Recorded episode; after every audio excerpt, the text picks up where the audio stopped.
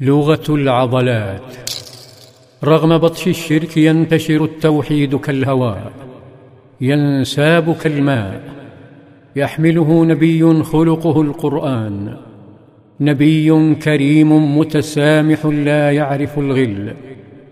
يمشي ذات يوم فيصادف وثنيا يطفح بالغل تجاهه. مفتول العضلات. مفتونا بالعضلات. كل همه البحث عمن يقدر على طرحه أرضا فلم يجد. ولما شاهد النبي صلى الله عليه وسلم وجدها فرصة ليتسلى ويسخر منه ويضعه ضمن قائمة ضحاياه الطويلة وقصصه العجيبة التي تشد المراهقين. عرض على النبي صلى الله عليه وسلم شيئا من غنمه إن استطاع التغلب عليه. فرأى صلى الله عليه وسلم أن هذه الرياضة نوافذ تطل على روح تائهة حان استردادها فوافق عليه السلام. عندها أمسك ركانة نبي الله بالطريقة التي يجيد بها طرح خصومه.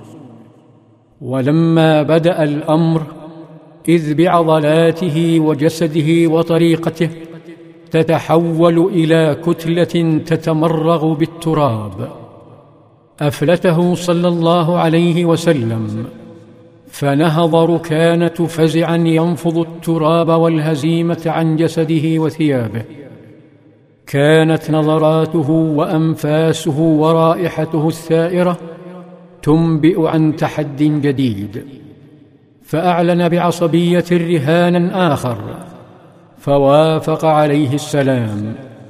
فجرب الرجل طريقة أشرس لا تصلح إلا للأقوياء. هزه صلى الله عليه وسلم فاضطرب وحاصت قدماه واثارتا غبار الأرض مرة أخرى ثم خر صريعا.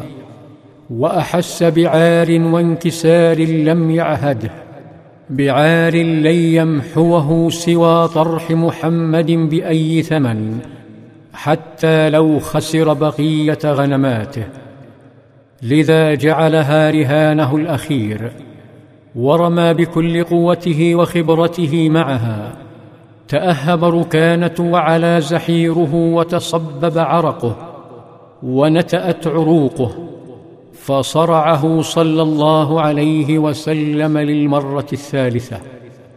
هنا تناثرت كبرياؤه فتأمله عليه السلام فرأى نثارا لا تزيده الجاهلية إلا انكسارا فأحب أن يبنيه من جديد بالإسلام فرد عليه غنماته بلطف دون أن يسخر منه أو يفخر عليه. ولما هم عليه السلام بالانصراف أفاق ركانه. فرأى نبيا عظيما لا يبحث عن مال أو مجد دنيوي. رأى نبيا يستطيع تمريغ أي صنديد من الوثنيين بالوحل. ومع ذلك يأبى خلقه فعل ذلك. أدمته قريش ضربته خنقته شتمته وسحلت أصحابه. فلم تسجل عليه يوما أنه آذى أحدا منها أو ضربه أو شتمه. خادما كان أو عبدا أو طفلا أو امرأة أو رجلا.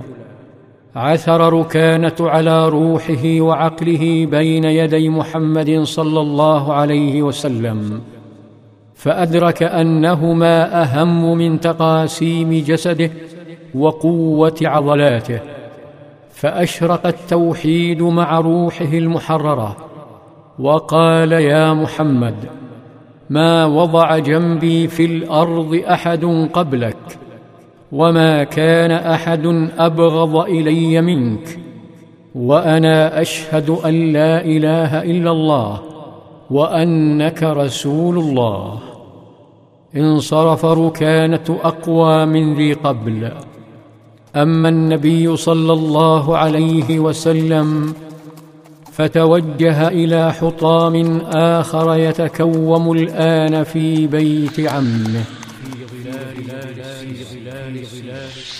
في ظلال السيرة.